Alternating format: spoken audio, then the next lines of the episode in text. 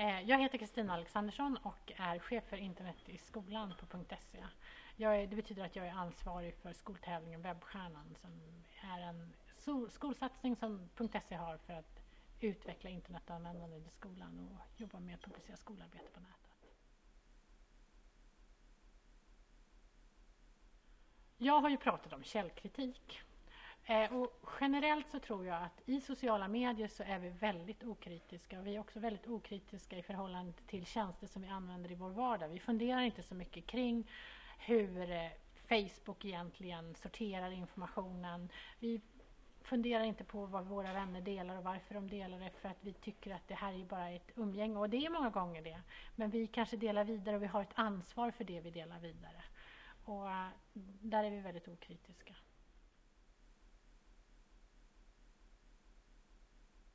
Ja, alltså egentligen så är det ju ingen större skillnad. Alltså det är att värdera ifall källan är trovärdig eller sannolik. Det är det man gör.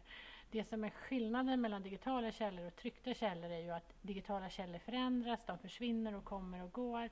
Medan analoga källor, de finns. Man kan gå tillbaka till den versionen av boken så kan man titta på den och man kan, den är tryckt och bestående på det sättet. Men annars är det inte, det är samma teknik man använder.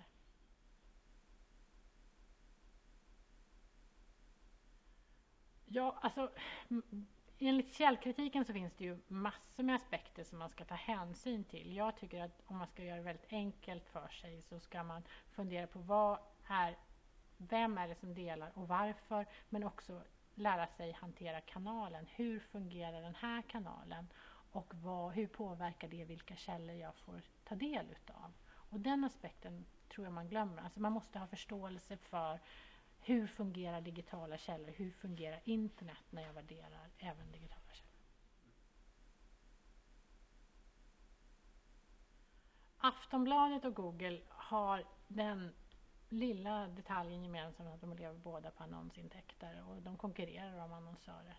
Eh, och det är därför Aftonbladet ser ut som Aftonbladet gör och det är därför Google fungerar som Google gör. Det som är intressant är ju att vi eh, ofta ser att Aftonbladet har som funktion att förmedla nyheter men det de förmedlar är annonser för en potentiell köpare. Och det gör också Google på ett sätt. Även om vi ofta använder Googles sökfunktion för att hitta information så de, de länkar som ligger högst upp och ligger på sidan det är annonser.